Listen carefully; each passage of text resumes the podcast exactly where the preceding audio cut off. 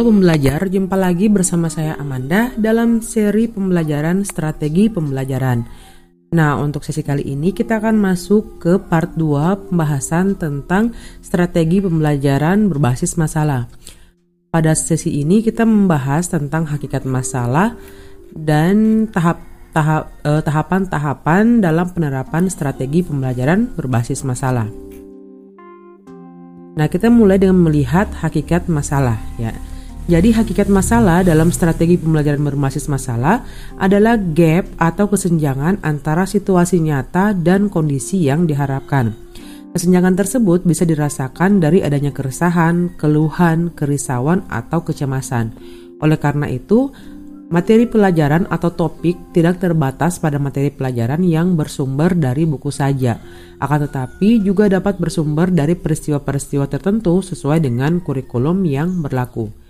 Berikut ini merupakan uh, kriteria pemilihan bahan pelajaran dalam pembelajaran berbasis masalah. Yang pertama, bahan pelajaran harus mengandung isu-isu yang mengandung konflik atau konflik isu yang bisa bersumber dari berita, rekaman video, dan lain-lain. Pada saat ini, banyak sekali media massa menyiarkan berbagai isu yang menumbuhkan uh, kompleks nilai budaya dan tata aturan. Ya, jadi kita bisa mengambil masalah dari sumber-sumber ini.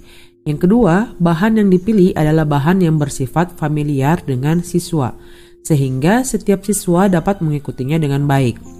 Isu-isu yang familiar dengan siswa itu seperti isu banjir pada musim hujan, kemiskinan dan anak pengangguran, gizi buruk, kehidupan bernegara seperti pemilu dan lain-lain. Itu merupakan bahan ajar yang dapat dikaji siswa dengan menggunakan pembelajaran berbasis masalah. Yang ketiga, bahan yang dipilih merupakan bahan yang berhubungan dengan kepentingan orang banyak atau universal sehingga terasa manfaatnya misalnya masalah banjir dan penanggulangannya, atau masalah kesehatan dan sebagainya. Yang mana jika masalah ini diselesaikan akan memberikan manfaat yang sangat besar bagi siswa dan kehidupannya. Yang keempat, bahan yang dipilih merupakan bahan yang mendukung tujuan atau kompetensi yang harus dimiliki oleh siswa sesuai dengan kurikulum yang berlaku. Dan yang kelima, bahan yang dipilih sesuai dengan minat siswa sehingga setiap siswa merasa perlu untuk mempelajarinya. Uh, selain itu, Arens menyatakan bahwa dalam merancang situasi bermasalah sebagai dasar dalam pelaksanaan strategi ini, kita harus memenuhi empat kriteria sebagai berikut. Yang pertama, situasi tersebut harus autentik, artinya masalah yang diungkapkan dan ditemukan bersama harus dapat dikaitkan dengan pengalaman nyata siswa dan bukan disiplin akademis tertentu. Misalnya bagaimana mengatasi masalah longsor atau banjir di daerah A. Masalah ini lebih, bersif lebih bersifat kondisi nyata yang dapat dilihat dan didengar siswa. Yang kedua, masalah tersebut mestinya tidak jelas sehingga menciptakan misteri atau teka-teki. Dengan demikian, masalah yang akan dikaji oleh siswa tidak akan hanya melahirkan jawaban ya atau tidak, benar atau salah, tetapi masalah akan dipecah, dipecahkan dengan berbagai alternatif multidimensi Hal inilah yang akan memperluas wawasan dan tingkat berpikir siswa yang tinggi. Yang ketiga, masalah itu harusnya bermakna bagi siswa dan sesuai dengan tingkat perkembangan siswa, baik intelektual dan kematangan mental anak. Masalah prostitu prostitusi misalnya, itu tidak terlalu cocok untuk diberikan sebagai permasalahan yang dibahas pada tingkat anak usia sekolah dasar. Ya. Jadi harus sesuaikan dengan perkembangan mental mereka juga. Yang keempat, masalah yang diberikan sebaiknya cukup luas sehingga memberikan kesempatan kepada guru untuk memenuhi tujuan in instruksionalnya, tetapi tetap dalam batas-batas visible atau dapat dilihat bagi pengajaran baik dilihat dari aspek waktu, ruang, dan ketersediaan sarana dan prasarana serta sumber daya. Nah, untuk mendorong kajian siswa secara mendalam, guru harus sering membimbing siswa dengan berbagai pertanyaan kepada siswa yang menggunakan kata mengapa dan bagaimana jika.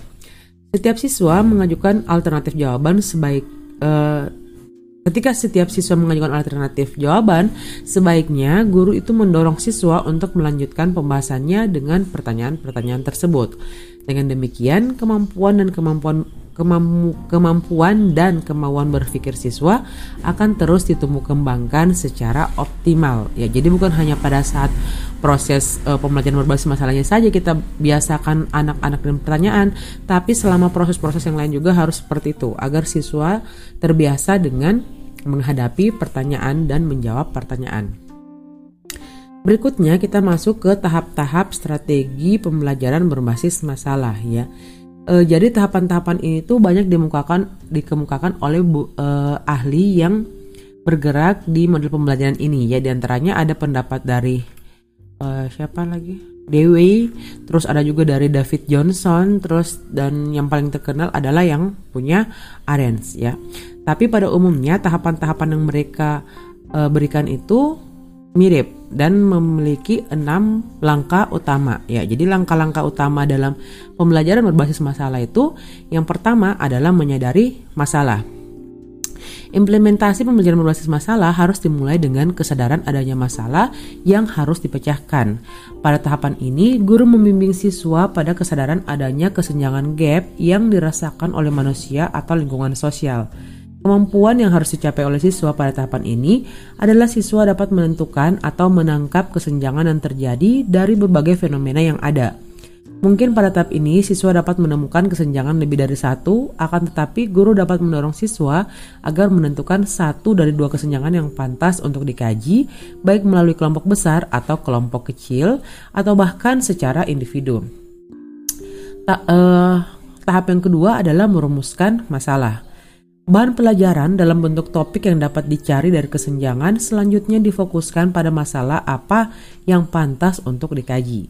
Rumusan masalah sangat penting sebab selanjutnya akan berhubungan dengan kejelasan dan kesamaan persepsi tentang masalah serta berkaitan dengan data-data apa yang harus dikumpulkan untuk menyelesaikannya.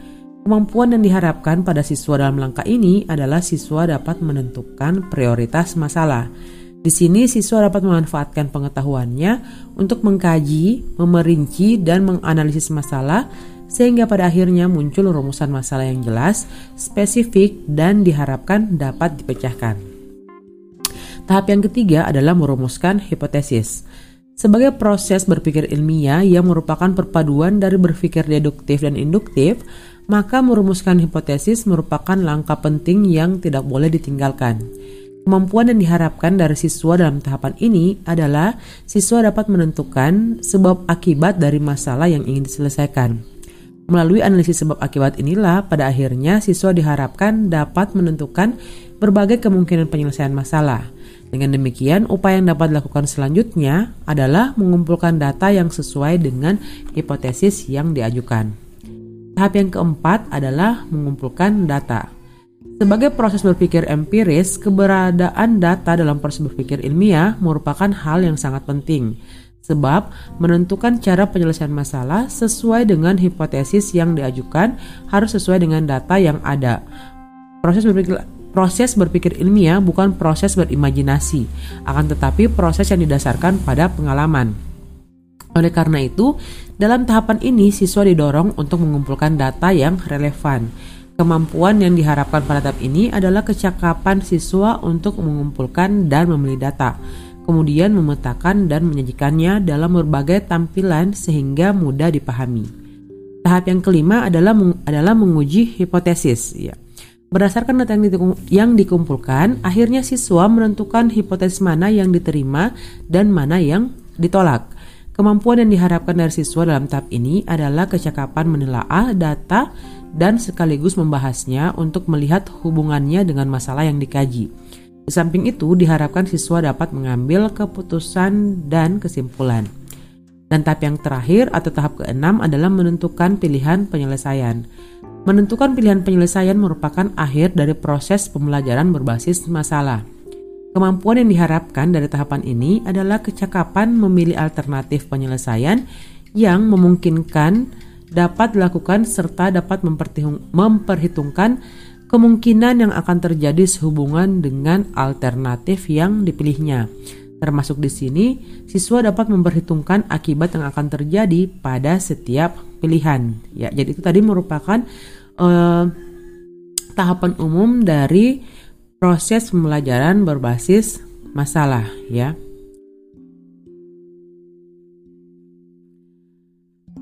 Nah, uh, selain itu di sini juga saya akan uh, sedikit menjabarkan terkait langkah-langkah pelaksanaan pembelajaran berbasis masalah menurut Arens ya. Kenapa saya ingin membahas ini? Karena ini merupakan langkah-langkah yang paling umum digunakan di Indonesia dan yang diterapkan langsung dalam proses pembelajaran di kurikulum 2013 ya.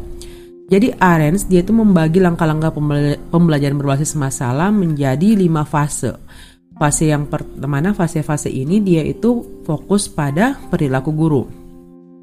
Fase yang pertama adalah memberikan orientasi, fase yang kedua mengorganisir siswa untuk meneliti, fase yang ketiga membantu investigasi mandiri dan kelompok, fase yang keempat mengembangkan dan mempresentasikan artefak dan eksihibit, yang kelima fase yang kelima menganalisis dan mengevaluasi proses mengatasi masalah ya. Jadi uh, saya akan membahas satu persatu. Untuk fase yang pertama tadi, memberikan orientasi tentang permasalahan kepada siswa. Di sini guru itu melakukan uh, tiga tugas utama. Yang pertama, guru membahas tujuan pelajaran. Yang kedua, guru mendeskripsikan berbagai kebutuhan yang di logistik atau kebutuhan apa saja yang harus disediakan oleh siswa. Dan yang ketiga, guru memberikan motivasi kepada siswa untuk terlibat secara aktif dalam kegiatan pemecahan masalah. Fase yang kedua adalah mengorganisir siswa untuk meneliti. Di sini, guru membantu siswa untuk mendefinisikan dan mengorganisasikan tugas-tugas belajar yang terkait dengan permasalahannya. Ya, jadi di sini uh, setiap kelompok, setiap anggota kelompok nanti akan mendapat tanggung jawab masing-masing. Fase yang ketiga, membantu investigasi mandiri dan kelompok.